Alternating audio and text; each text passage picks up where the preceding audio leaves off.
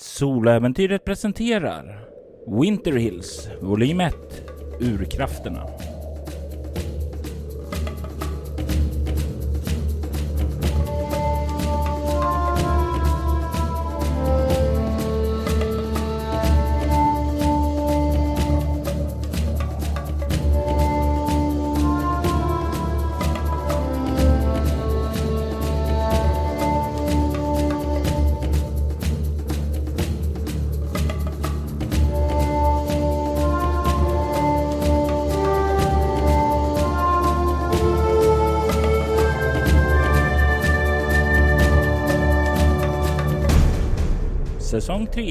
Avsnitt 10. Nid, tionde delen. Vinetkas gator är inte trygga. Någon slogs ned och har tagits till sjukstugan. En av tvillingarna förlorade medvetandet av en okänd man. En okänd man av oklara anledningar som slog ned henne.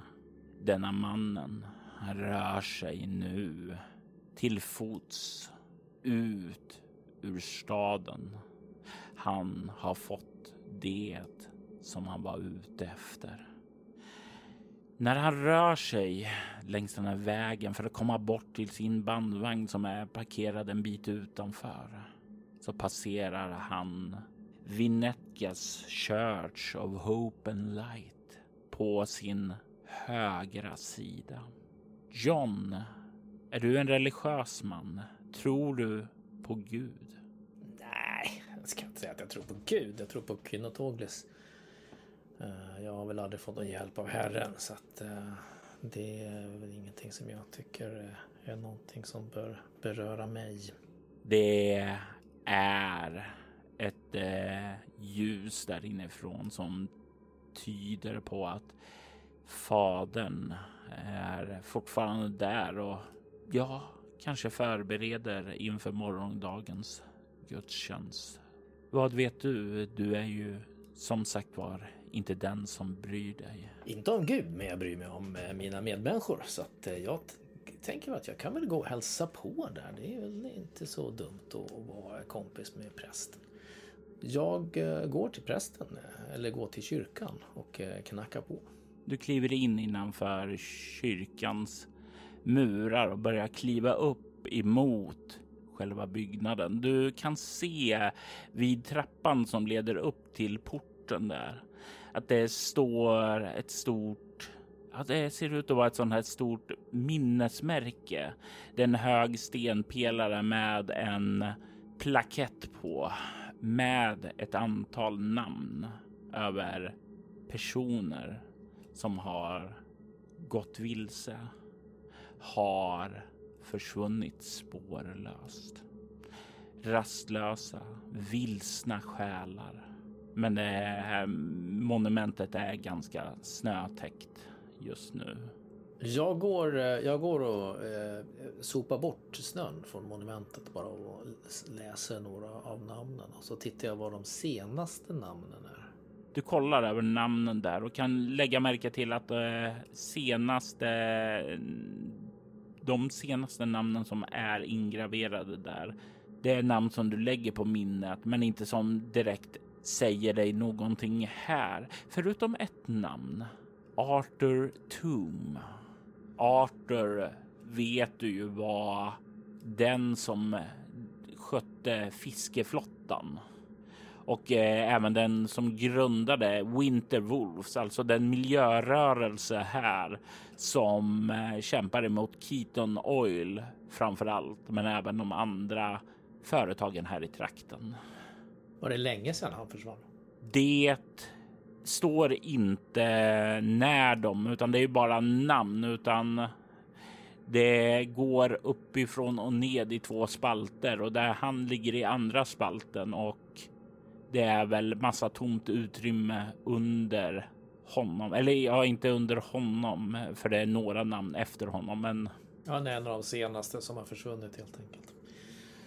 Ja, då går jag in i kyrkan.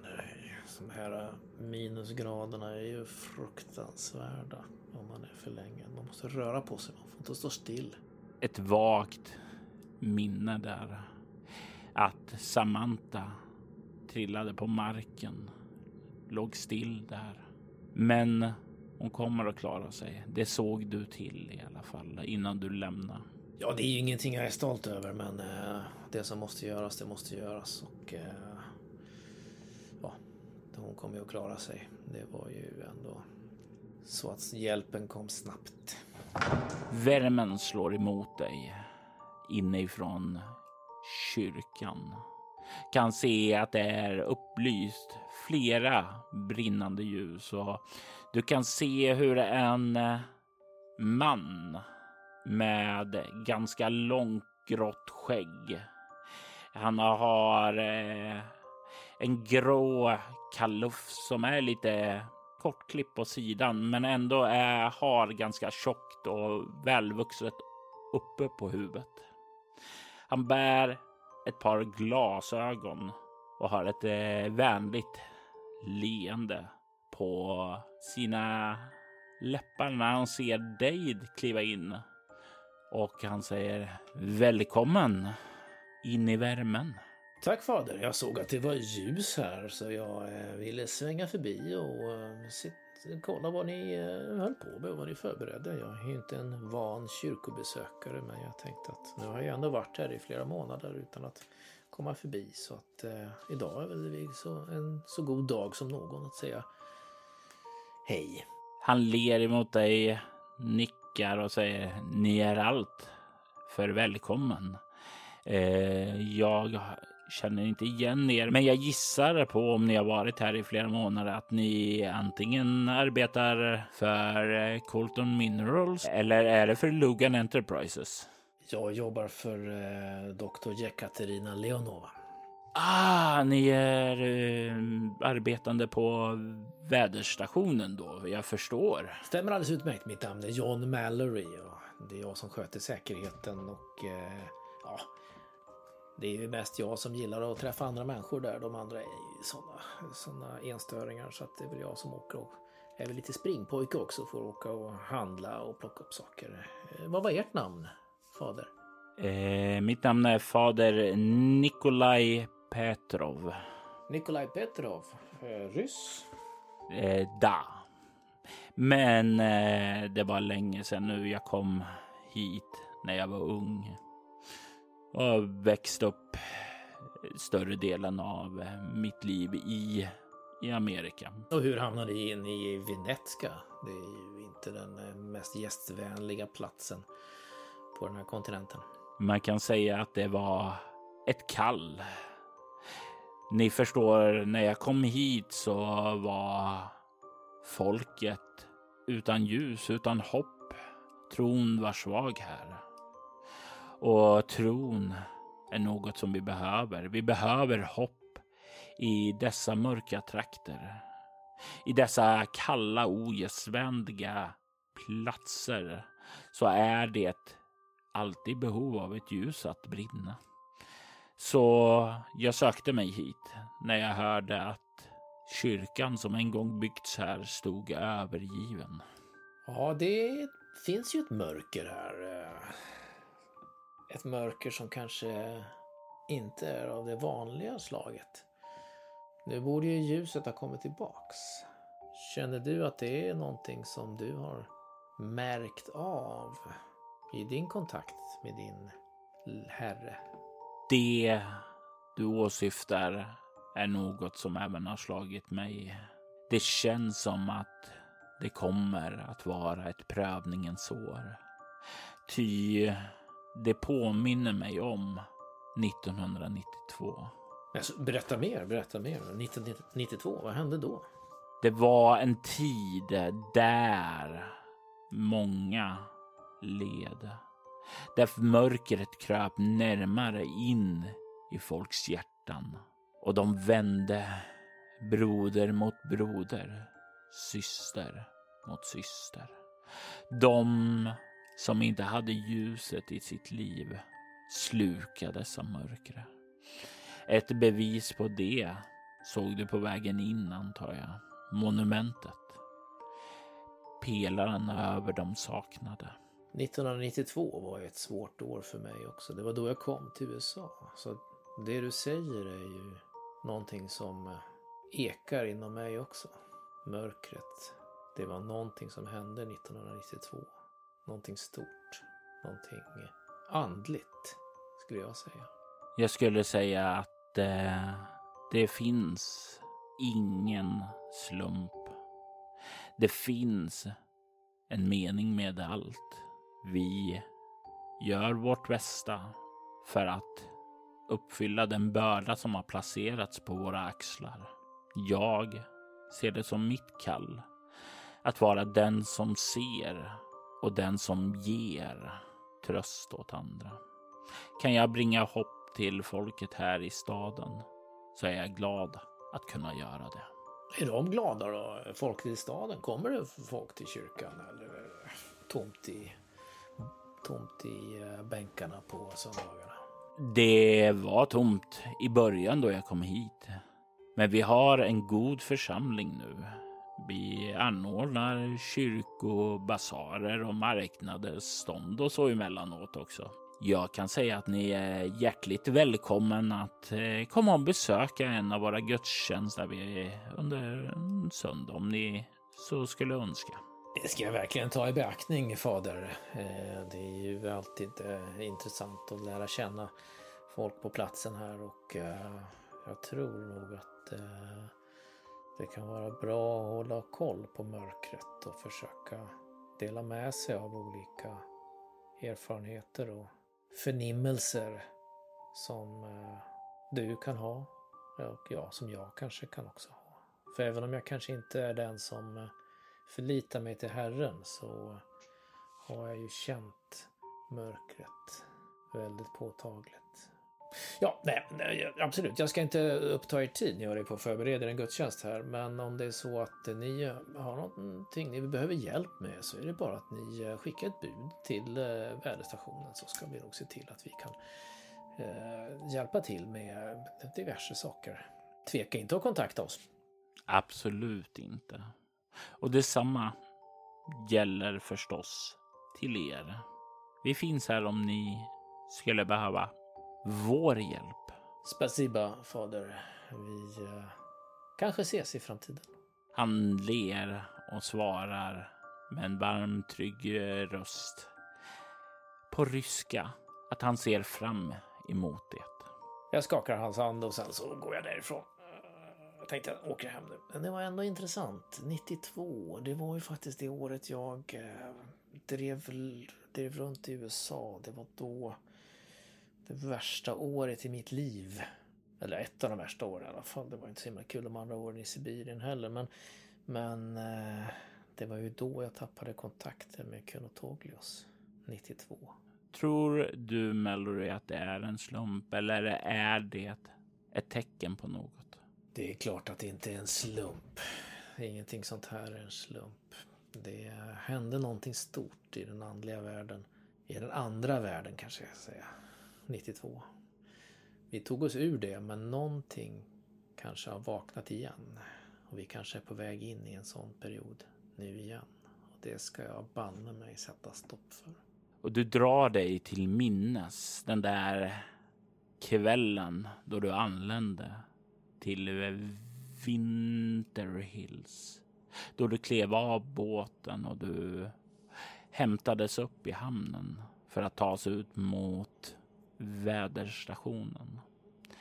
Du blev ju stoppad då, stoppad av en kvinna som kvaddade er bandvagn. Ja, hon var ju väldigt eh, jobbig och väldigt eh, så här gåtfull och, och, och allting.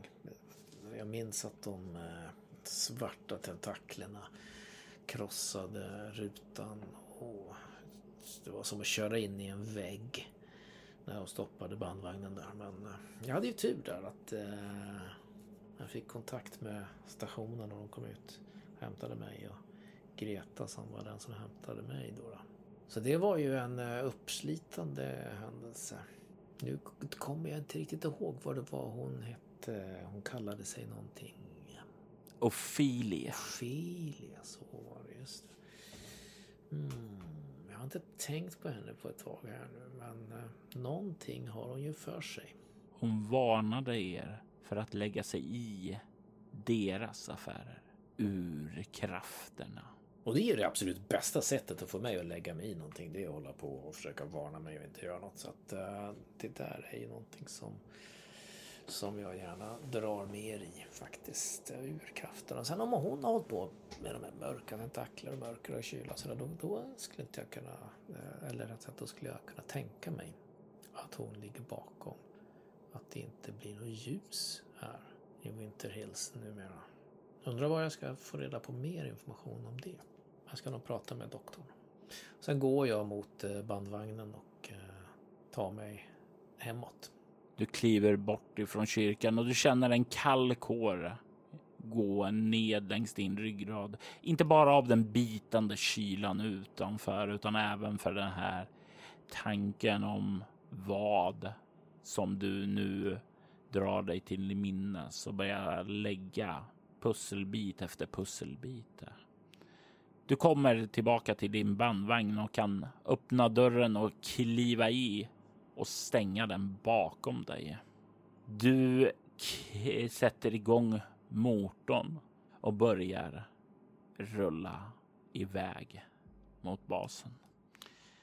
Jag vill att du slår ett slag med eh, ego plus obemärkt. Ett svårt slag och det här är något slag du kan använda din specialisering uppmärksamhet på.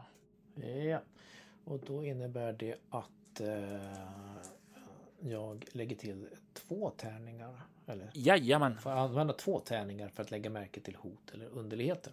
Ja. Så ego 4, obemärkt 4 är 8 plus två tärningar. Det blir 8 plus 9 så det blir då 17. Och det är ett lyckat slag. Du sätter igång och åker iväg. Hur åker Mallory bandvagnen? Brukar han dra på radiostationen eh, för att ha någonting eh, att lyssna på medan han åker? Eller eh, sitter han eh, i tystnaden? Hur hur ser färden på väg tillbaka ut mot väderstationen ut? Jag startar ju Vesslan och eh, börjar genast då och då ratta in eh, Kate Robinsons eh, radiokanal. För att eh, hon eh, pratar ju hela tiden om eh, vad som händer i Venetka och det är jag ju väldigt intresserad av. Man får ju väldigt mycket information om olika personer. och Man får ju veta ungefär vad som händer. Sen så får man ju lägga lite pussel och sådär. Men det är ju alltid trevligt att ha en sån trevlig röst att lyssna på också. Och det är ju särskilt användbart på lördagarna när hon bjuder in en gäst och intervjuar den och pratar med den. Då brukar du få extra mycket information. Men det är ju en väldigt trevlig röst att lyssna på och just nu så kan du höra hon verkar tala om någon form av incident på The Icy Leviathan. Men allt är inte vad det först verkar. Som till exempel då Jared hade problem med ölstölder på The Icy Leviathan. Stölderna var aldrig stora nog för att vara ett hot mot Venetkas dryckesvanor. Men Jared ville få slut på svinnet. Han tog därför kontakt med Sheriff Walker som fann dem skyldiga. Det visade sig att ett par ungdomar hade kommit över Jareds reservnyckel och släppt in sig själva efter ställningsdags för att njuta av ölen. Lyckligtvis kunde sheriffens förmanande tal om alkoholens sämre effekter få ungdomarna på bättre tankar och fick dem att återlämna nyckeln. Vad är din relation till alkohol, John? Jag vill inte tappa kontrollen. Det är ju det som är det viktigaste för mig. Och dricker dricka alkohol, då riskerar jag att tappa kontrollen. Kanske inte så att jag blir våldsam eller dansar på borden eller någonting sånt där. Men eh, det blir, man blir lite slöare, man missar saker, man eh, missuppfattar saker. Det är också att tappa kontroll. Och det gillar inte jag. Jag har inga problem att eh, låtsas vara berusad. Jag har inga problem att dricka drycker som kan tänkas vara alkohol. Men eh, jag vill inte tappa kontrollen. Jag vill inte riskera att någonting slinker igenom mitt, eh, min rustning så att säga. Min mentala rustning. Så jag kan vara rätt tråkig när det gäller just de bitarna. Men å andra sidan så väger jag upp det genom att alltid försöka vara Pelle Jönsson och prata med folk och allt sånt där. Då tänker inte folk så mycket på att man inte egentligen dricker den där öl sejden man bär omkring på. Du har den här lilla sidotanken som passerar genom ditt huvud där då du plötsligt inser att du i fokuset på vägen framför och lyssnandet på Kates väna röst missat en sak. Det är mycket mörkare nu än vad det var alldeles nyss. Det är som ljuset från staden bakom dig har slocknat helt. Jag slår på strålkastarna, extra strålkastarna, för att få extra ljus. Du slår på dem du kan se längre fram att det verkar finnas träd. Träd mitt i vägen. Gröna fina träd. Så har du gröna fina träd? Ja. Mm. Jag skruvar genast av radion eh, och eh, stannar bandvagnen. Och eh, sätter mig där och funderar lite. Hade det varit svarta träd då hade jag varit rätt säker på att det var Ofelia som var här igen. Men gröna träd, det här känns ju knasigt och så. Jag kan lägga märke till en annan sak. Det finns ingen snö där. Borta vid träden så verkar det vara varmare för du kan se den gröna mossan där på träden. Du kan se de grönskande barren på granarna som är där. Du kan se hur jorden är mörkbrun och det är som om det är tidig sommar där borta i skogen framför dig. Framför bilen så kan du fortfarande se att du är på vägen, att det är snö där. Det är kanske 10 meter framför din bil som det här är. Men det jag eh, kan inte köra vidare utan eh, träden står i vägen. Vägen, det är som den slutar eh, tvärt. Att det är som en gräns där som bara är rätt in i träden. Det är som om en skog har plötsligt blommat upp mitt på vägen.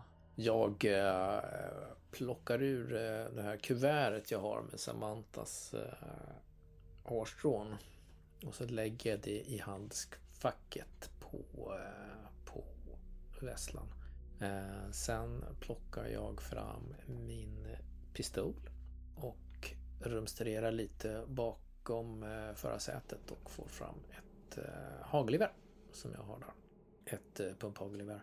Och sen eh, så sitter jag och glor på de där träden en stund innan jag kliver ur bilen. Eller kliver ur, jag hoppar ur lite sådär. Ah, nu jäklar ska vi kolla vad det här är för tokigheter. Det är säkert Ofelia då. Jag vill att du slår ett chockartat skräckslag med ego. Och jag har ego 4. Så jag slår nu en tvåa. Så sex. Du får två skräcknivåer. Du hoppar ur bilen och landar med fötterna på den varma jorden. Du kan se att du befinner dig i en skog. Du kan inte längre se snö eller vägen för den delen heller. Du befinner dig mitt i en skog och den är inte grön längre. Den är röd. Din bandvagn står parkerad mellan två träd och det är som om den är fastkilad där. Det är egentligen omöjligt för dig att köra in bilen där för det är så tajt däremellan. Du står i en röd skog, John. Röd skog, det här är ingenting som jag har hört talas om. Så vitt jag kan minnas. Ja, nej men det är väl bara att... Uh, ja, jag går väl en liten vända in där jag tänker att vägen fortsatte så jag går in mellan träden där för att se vad det här är för plats. Du kan förslå ett lätt slag med ego överlevnad. Ego 4, överlevnad 4 och 4 plus 4 som är 10. Ja, det är precis vad jag behöver. Ljuset som letar sig ned igenom kronorna känns fel. Det känns som om det är någonting annorlunda med det ljusskenet mot det vanliga, men det är exakt vad kan du inte dra slutsatsen för, för du ser inte upp mot himlen. Träd kronorna täcker nämligen himlen med sina långa majestätiska granverk. Jag tröttnar ju rätt fort på det här så att eh, jag ropar helt enkelt. Hallå, är det någon här? Hallå, eh, kan ni komma och berätta vad ni håller på med? Eh, jag vill åka tillbaka. Du hör ett omänskligt ljud som knorrar utifrån skogen mot dig och jag vill att du slår ett lätt slag med ego plus lingvistik. Ego plus lingvistik, ja. Ego har jag fortfarande fyra i. Lingvistik är då... Ah, Var har vi den? Där nere. Det är inte min starka fråga. Så jag får minus två på det här slaget. Så jag slår en T6 här. Och slår fyra. Så Eh, fyra plus fyra minus två blir då sex. Ljudet som kommer här, det är omänskligt. Det låter onaturligt. Du tror att det är något språk, men du kan inte placera det här språket alls. Det är inte något eh, i den engelska språkträdet eller den eh, ryska heller. Alltså, det är inte ens besläktat. Du kan inte placera det överhuvudtaget. I och med att jag då har tagit två skräcknivåer så är jag ju rätt eh, nervös. Men det, försök, det döljer jag helt enkelt genom att eh, sträcka på mig och ut med bröstkorgen och fram med hagelgeväret. Och eh, så ropar jag eh, Va, vad sa du? Jag hörde inte riktigt det där. Kan ni eh, vara lite tydligare? Uh, jag fattar inte riktigt vad det är ni snackar om. Hallå, hallå? Du hör din röst eka ut i skogen och det slängs fram och tillbaka som om det studsar i konstiga vinklar. Du kan höra eh, rösten återigen tala till dig och återigen så låter det omänskligt och du kan inte placera dig igen. Den, det är som om den försöker kommunicera med dig, men inte riktigt behärskar ditt språk. Men det som kanske är mest oroväckande är att den verkar vara 15 meter ifrån dig och den är rätt bakom dig. Jag kastar mig åt sidan och uh, rullar runt och uh, försöker komma upp uh, så att jag ser vad det är som står bakom mig. Du kommer upp där och spanar runt där igen och jag vill veta vad är ditt värde i antingen obemärkt eller överlevnad? Det högsta. Båda är samma, så fyra. Du kan ju se att det finns ingenting där. Det är bara träd och lite längre bortom, lite längre bort så kan du ju förstås se bilen också. Sekunden efteråt slår det dig dock. Det står ett träd där och det trädet stod inte där tidigare. Och det är ett av de här röda träden då? Ja. Jag riktar ju hagelgeväret mot, mot trädet där och uh, försöker cirkla så att jag kan komma tillbaks mot uh, snömobilen. Du börjar ta några steg åt sidan där. Du kan se hur löven prasslar till lite och du kan höra återigen dess röst. När trädet verkar tala till dig så rasslar dess löv lite. Eh, jag förstår faktiskt inte vad eh, du säger och det är ju jättekonstigt att du är ett träd som pratar med mig. Eh, så eh, har du något sätt du skulle kunna eh, förklara mer vad det är som händer här? Det här är ju självklart någon slags mystisk syn eller någonting jättekonstigt men eh, kan du vara lite mer, lite mer kommunikativ så här? Eller är det så att eh, det här är det här är var vi är så att säga. Du pratar och jag förstår inte och jag vet inte. Förstår du mig förresten? Du kan väl eh, typ eh, vifta med grenarna om du förstår vad jag säger. Du kan se hur grenarna börjar vifta som om det vore en vind som svepte igenom det. Men det finns ingen vind här, så det är väl bara att anta att den viftar då. Är du på Ofelias sida? Får du till svar. Och sen så sträcker den sakta ut sin gren emot dig. Och du kan se hur det i grenen finns ett antal röda bär. Påminner lite grann om rönnbär. Jag kliver fram och eh, eftersom den sträcker ut dem mot mig så jag sänker bössan och håller den i en hand. Sen så sträcker jag fram den andra handen för att som att plocka ner de här bären. Den står väldigt, väldigt stilla och låter dig göra det utan att röra på sig. Vill du att jag ska hjälpa dig? Du kan se hur den reagerar inte på det. Är du ensam här? Eller är det fler? Den prasslar med sina löv. Är du en av de försvunna? Den slutar att prassla. Jag tittar på bären. Hur många är de? En handfull eller något sånt där? Ja, precis. Okej. Börjar skogen försvinna eller vad, eller fortsätter den vara kvar? Eller? Skogen är fortfarande kvar. Men trädet har slutat att röra sig och Nej, utan det var snarare på den slutade att prassla och ha sig. När du frågade din sista fråga. Du kan fortfarande se den är kvar och att den står där framför dig och verkar iaktta dig. Du får en känsla av att vad det här är för en typ av varelse så har den verkat börja försöka kommunicera med dig genom att antingen prassla eller sluta prassla. Ska jag äta ett av de här bären? Är det det du säger?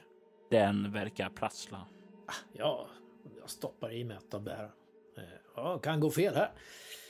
Vad kan egentligen gå fel här? Jag vill att du tar och slår ett nytt skräckslag. Men denna gång är det med utstrålning och det är ett chockartat sådant. Eh, sju får jag ihop. Du får två nya skräcknivåer. Du tar det där bäret och stoppar i dig. Och det är som om du plötsligt känner hur dina porer vidgas, hur dina vener börjar att vibrera, hur du slår rot i marken, hur den gren som du håller i handen börjar knaka till då den börjar växa ut grenar ifrån den med, ny, med nya små löv som just har blommat ut och fått sitt första liv. Den här lilla, band, den här lilla barkbiten du hade med dig, som en gång i tiden var en pistol. Den ser ut att vara bark, ålderdomlig sådan, täckt av lite mossa. Och du kan höra när de här känslorna börjar blomma upp i dig. En röst. En röst som ekar i ditt inre. Förstår du oss nu? Jag rasslar lite med löven. Primitiva människor som inte kan tala vårt språk. Vi vill veta dina intentioner. Jag vill vara trygg. Jag vill att mina ska vara trygga. Så varför har du stulit en del av vårat barn? Samantha Shanks. Vårt barn. För att jag har blivit ombedd att göra det. För att det har varit min uppgift. Men jag ska vara ärlig med er och säga att jag vet inte vad som är syftet med mitt uppdrag. Men jag ska gissa att det handlar om att vi ska vara trygga. Vi ska vara skyddade. Vilka är ni? Kynotoglis följare. Ni är de i exil, de hemlösa, de som söker en ny plats att bo. Vi har varit hemlösa men eh, vi bygger oss vårt hem här. Där vi kan vara trygga. Där vi kan bidra till balansen. Där vi kan vara en del av det goda. Om ni vill vara en del av det så bryr vi oss inte om er. Men för att visa god ro så vill vi ha något från dig. Om vi får det så ska vi lämna er i fred. Vad vill ni ha? Vårt barns hår som ni tog. Ja, visst ska ni få tillbaks det. Utmärkt. I så fall ska vi återbörda dig till din värld. Men jag har en fråga först. Förstås. Fråga på du Sergej Tarasov. Ni vet mer om mig än vad jag tycker är bekvämt. Är det ni som är urkrafterna? Nej. Vi är en del av den röda skogen. Vi är en vroska. Ursäkta, vad sa du att ni var en Vroska. Är det något som Mallory har hört talas om förut? Du kan först slå ett eh, ego-ockultism-slag. Ego 4, ockultism har jag faktiskt fyra i också. Du ska komma upp i 15, vilket gör att du inte kan lyckas, men du kan få ett marginellt lyckat. Nej, jag får bara ihop eh, 10. Det låter inte bekant. Ja, men äh, återbörda mig nu till den riktiga världen, den frusna världen. Så ska ni få håren från ert barn. Pakten är gjord. Vakna till Gaia. Och i nästa ögonblick så känner du hur ditt sinne exploderar då det här bäret som du intog exploderar inom dig och slår rot inom dig och hur du känner hur någonting växer och krälar sig ur genom varenda liten por du har. Du känner hur du spricker upp i ett stort lövverk. Du känner hur det blommar och i nästa ögonblick så vaknar du framför ratten i din bandvagn. Du står med ljuset fortfarande på. Det är exakt där du slog på ljuset och såg skogen. Det är som om du har somnat till en stund, för du rycker upp som om du lägger hukad framför ratten. Nu är jag riktigt, eh, riktigt förvirrad och eh, upplevelsen har ju skakat mig enormt. Eh, det här är ju någonting som jag aldrig har känt förut och inte... Det, det är en sån otroligt stark upplevelse. Så att, eh, fyra skräcknivåer har jag tagit också så nu är jag bra skakad. Eh, så jag fumlar i, med handskfacket där och får fram kuvertet med hårstråna. Nej, det får du inte. Du får fram kuvertet, men när du liksom öppnar det för att kolla det så finns det inga hårstrån där. Istället så kan du se att det finns. Ja, låt oss se hur många. Du kan slå en T6. Fem. Det finns fem stycken röda bär. Jag eh, stoppar på mig eh, kuvertet med de här bären då. Skakande så drar jag igång bandvagnen och eh, åker den här gången i tysthet till väderstationen. Vid det här laget så har du åkt den många, många gånger, så det är ju en vä väldigt van sträcka där. Du åker den under tysthet och du kan snart åka in bakom grindarna och parkera bandvagnen där. Det är ju sent på kvällen så det är ju nedsläckt här. Det är inte mycket liv här. Du kan ju ana dock ett ljussken uppe på doktor Jelena Leonovas kontor. Det är inte första gången som hon arbetar sent på natten. Jag sitter kvar en stund tills värmen lämnat snövesslan. snöväslan. Jag skakar.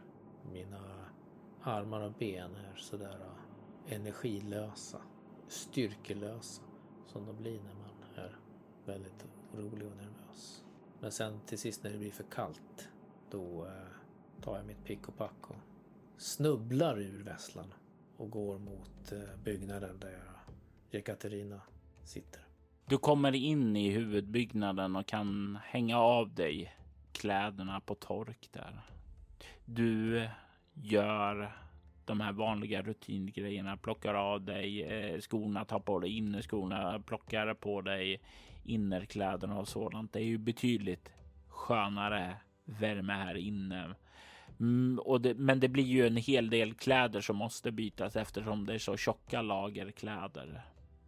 Så det tar en stund där innan du kan kliva upp på övervåningen och kliva bort mot ditt och hennes kontor som är i slutet av, som är i bortre delen av övervåningen där du kommer upp. Du kan se att hennes dörr står öppen och du kan se att hon verkar göra anteckningar i en gammal bok läderinbunden. Och när du börjar kliva fram så kollar hon upp precis som du känner hennes närvaro. Så känner hon din. Hur gick det? Är det utfört? Det har eh, inträffat en väldigt speciell händelse. Så svaret på det är både ja och eh, nej. Du kan se att hon direkt när hon hör dig säga det där så slår hon igen boken och lägger ifrån sig den för att eh, fokusera på dig till fullo. Jag kliver in i rummet ordentligt och stänger dörren omsorgsfullt efter mig. In, innan jag stänger så tittar jag ut och ser till att ingen annan är där. Eh, och sen stänger jag dörren. Och det är ju ingen annan där. De andra sover ju. Okej, berätta mera. Hämtade hårstråna och eh, såg till att Shanks fick eh, hjälp så att de skulle överleva helt enkelt. Men eh, jag hade hårstråna. På vägen tillbaks så... Eh, ja, du vet när jag kom första gången i december. Då eh, berättade jag om den här Ofelia och de svarta tentaklerna och de här urkrafterna. urkrafterna. Den här gången var det en annan kraft som stoppade mig. Du verkar vara en magnet för sådana. Vad för kraft var det denna gång? En röd skog. En naturkraft. Gaia var det sista de sa. Nu är det inte vår terminologi, men så som jag förstått så är det flera olika esoteriska traditioner som talar om vår värld som Gaia. Veroshka. Vänta nu, Vroshka. Eh, det låter bekant. Det låter ryskt. Eller åtminstone österländskt. Öst från stat, öststaterna. Det låter bekant, men jag kan inte placera varifrån det kommer. Men jag tror det... Ah, såklart. Det förklarar ju saker och ting. Det är en vroska, en drömvarelse. En varelse som lever i våra drömmar. Och det bekräftar misstankarna som jag hade om Samantha. Det var skälet till att jag bad dig ta hårstrån från henne. För, för de, de, de pratade om henne, det var därför de stoppade mig. För de, de ville ha tillbaks hårstråna. De ville ha det jag tagit från deras barn. Hon har någon kontakt med dem, hon har någon länk till dem. De skyddar henne. Ja, jag skulle väl säga tvärtom snarare. Vroska är en varelse. Jag är inte helt olik de gamla femyterna om bortbytingar. Är du bekant med de myterna? Ja, man har väl sett en annan film om det. Kan ju gå illa har jag hört. Du, du menar att Samantha Shanks är en bortbyting? Enkelt sagt ja. Eller en rättare sagt, om man ska vara mer korrekt, en skapelse. Du förstår, Vroska kan skapa kopior, bortbytingar om man så vill. Samantha Shanks har ju en tvillingsyster. Eller har Samantha bara ett original? Du förstår, Vroskor skapar kopior. Ibland för att ersätta, få ögon i vår värld. Ibland för att människor gör pakter för diverse syften. Kanske att de vill ha fler barn eller att, eller som i vår tid, kanske behöver extra organ för att rädda det första barnet. Skälen kan variera. Men jag vågar inte gissa mig på vad som kan ligga bakom Samantas skapelse. Men jag har bara fått intryck härifrån trakten. Dels dina rapporter, dels från Kates radioprogram, dels från Kennings eh, Simanskis eh, Vinetka Weekly. Att det är någonting fel med tvillingarna. Och min gissning är att det var någonting med Samantha. Jag ville göra tester på hårstråna för att se om jag kunde få fram någonting, men det verkar som om jag inte behöver hårstråna för att veta vad som var fel med Samantha. Nej, och det är ju tur det för att eh, de eh, var jag, eh, lämnade jag tillbaks helt enkelt. Annars hade de inte släppt mig från den drömsekvensen som jag hade. Jag litar helt på ert omdöme att göra vad som krävs för situationen där. Så var det vad du behövde göra så, så säger jag att du har mitt fulla stöd. Ja, alltså det är inte som att jag inte kan hämta fler hårstrån om det skulle behövas. Eh, om de nu skulle tillåta mig att komma tillbaks. Eh, de här uh, makterna har ju någon slags mystisk förmåga att eh, stoppa mig när jag eh, är ute och åker här. Men eh, jag försökte pressa dem om eh, Ofelia och eh, urkrafterna men det, de verkar vara motståndare eller åtminstone inte samarbeta. Det är något av intresse. Min fiendes fiende, så att säga. Just det förresten, jag har någonting som jag fick. Och så sträcker jag över eh, kuvertet med de fem bären. Fem röda bären. Det här var istället för hårstråna. Hon kollar i kuvertet och plockar upp ett av bären. Sen så studerar hon det lite närmare i sin hand och du kan se en liten rynka kommer upp där när hennes ögon plirar väldigt nyfiket på det här bakom glasögonen. Skulle jag kunna ta en av de här för studier? Ja, absolut, absolut. Jag åt ett bär i drömmen och då vart jag ett träd och då eh, kunde jag prata med den här eh, frosken eh, och så. Om det kan vara någon ledtråd till vad det är som, vad det är som händer om man äter bäret. Jag har inga planer på att äta eh, eller göra sylt av dem eller någonting sånt där. Men eh, mm, det är någonting vi fick istället för hårstråna. Jag skulle tro att det är så att om vi vill kontakta den här drömvarelsen eller drömvarelserna igen så eh, kan vi äta ett av de här bären och då kommer de att kontakta oss. Det är min gissning, men det är ju ingenting som jag tänkte jag skulle testa just nu. Om inte ni eh, anser att det skulle vara en rimlig sak att göra. Jag skulle nog säga att innan vi gör något sådant vill jag göra en del tester och ta reda på mer om det här bäret. Men Det vore ju värdefullt att ha ett sätt att kontakta vrorskorna om det skulle behövas i framtiden. Den sa eh, faktiskt att den inte hade någonting emot att vi eh, etablerade en, ett hem här.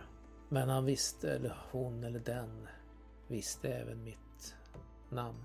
Och då menar jag inte mitt tagna namn utan den visste mitt givna namn. Återigen, jag är ingen expert. Men så som jag förstått det är att vi som inte är tränade i de konster som har med drömmarna att göra är sårbara i drömmarna. Vi kan bli lätta att läsa. Eh, vissa varelser besitter förmågan att skåda in i oss. Kanske för att vi skickar tydliga signaler utan att veta om det. Jag gissar på att det är väl vad det är i vanliga världen också. Någon som har ett öppet kroppsspråk kommer att alltid ge massa detaljer för den som vet vad den letar efter. Jo, det kan ju vara så. Jag tror ju alltid att jag är så bra på att dölja saker och ting, men mm. man kan ju bli lite lätt att läsa om man försöker dölja för mycket. Så kan det vara och du är duktig på att dölja saker. Jag har faktiskt väldigt svårt att läsa dig och jag brukar ha väldigt lätt att läsa personer. Tur nog så tror jag att det, det här kommer nog inte att bli ett problem då om de var välvilligt inställd till att vi etablerade oss här och att de inte såg Kynotogles som ett hot. Och du gav dem det hårstrån de ville ha. Jag tror vi står på god fot med Vroskan i alla fall. Ja, jag får hoppas det. Men det betyder ju att vi har urkrafterna och så har vi Vrorskan och eh, jag språkade med prästen i stan. Han är också ryss va? Det stämmer. Han nämnde någonting om ett mörker som han kände. Han sa att nu är någonting på gång. Nu kommer det vara ett år av en hård prövning som ligger framför oss. Det är det. Urkrafterna rör på sig. Det fick vi veta när Ofilie välkomnade dig till trakten. Att mörkret här inte ger vika tyder på att det höll på att eskalera. Precis så som det gjorde 1992. Jag vet inte exakt vad det var som stoppade då, men jag vet att det troligtvis kommer behövas mer nu. Men det är en annan sak som oroar mig. Bara förekomsten av vroskan här i trakten är oroande. Vanligtvis så kan inte de utöva det typ av inflytande som du beskriver. Inte på platser som är som är fria från stark drömenergi är väl bästa sättet jag kan uttrycka på. Det innebär att det är någonting annat här som vi har missat. Att det finns ett annat hot som håller på att gryr. Ett, ännu ett hot mot trakten. Kurotoglis har valt den här platsen åt oss. Vi ska kämpa för vårt hem. Vi ska kämpa för vår familj. Vi måste ta reda på vilka spelarna i den här farsen är. Information är A och O och vi kommer inte agera innan vi har det vi behöver. Då vet vi vad vi står emot och då vet vi hur vi bäst kan vårda det hem Kynotoglis har valt för oss. Det är sen natt då John Mallory återvänder till sin säng. Ännu ett möte med krafterna här i trakten. Men även en insikt i en av sina reskamrater på vägen hit. Samantha är inte mänsklig, utan hon verkar vara en skapelse av vrorskan. Vad betyder det? Hur kommer det påverka allting? Spelar det någon roll? Och vad var det där hotet som doktor Jekaterina Leonova talade om? Tankarna snurrar omkring i Mellorus huvud då han lägger sig ned i sin säng och somnar in för denna natt. Winter Hills är en berättelse skapad, spelad och producerad av Robert Jonsson till rollspelet Bortom som ges ut av Mylingspel. Vill du stödja Roberts kreativa skapande kan du göra det på patreon.com snedstreck Robert Jonsson. I detta avsnitt hörde du Magnus Eter som John Mallory och Amanda Stenback som Kate Robinson. Detta avsnitt klipptes av Kvarnberg Productions, ett företag som bistår dig med allt som har med poddar att göra. Du hittar den på kvarnbergproductions.com. Winter Hills temamusik skapades av Andreas Lundström från Sweden Rules. Ni hittar hans musik på Spotify och Soundcloud. Musiken i detta avsnitt gjordes av Christian Andersen, Derek and Brandon Fichter, Rocking for Decades, Savun och Ugasani. Länkar till skivbolag och artister hittar du i avsnittets inlägg. Soloäventyret är en actual play podcast där vi spelar skräck och science fiction. Ni kan mejla oss på info.bortom.nu, Följ oss på Instagram som @spelabortom eller som Soloäventyret på Facebook. Vill ni ha liknande poddar som denna kan ni smana in våra spin-off-poddar Altor Schwider och Valerie Chronicles. Mer information om dem hittar du på bortom.nu. Mitt namn är Robert Jonsson. Tack för att du har lyssnat. Vi vill ta tillfället i akt att tacka, hylla och hedra våra Patreon-backare. Ty Nilsson. Morgan Kullberg. Marcus Florberger. Fredrik Derefelt. Niklas Österlund och Daniel Lantz. Ert stöd är djupt uppskattat. Tack!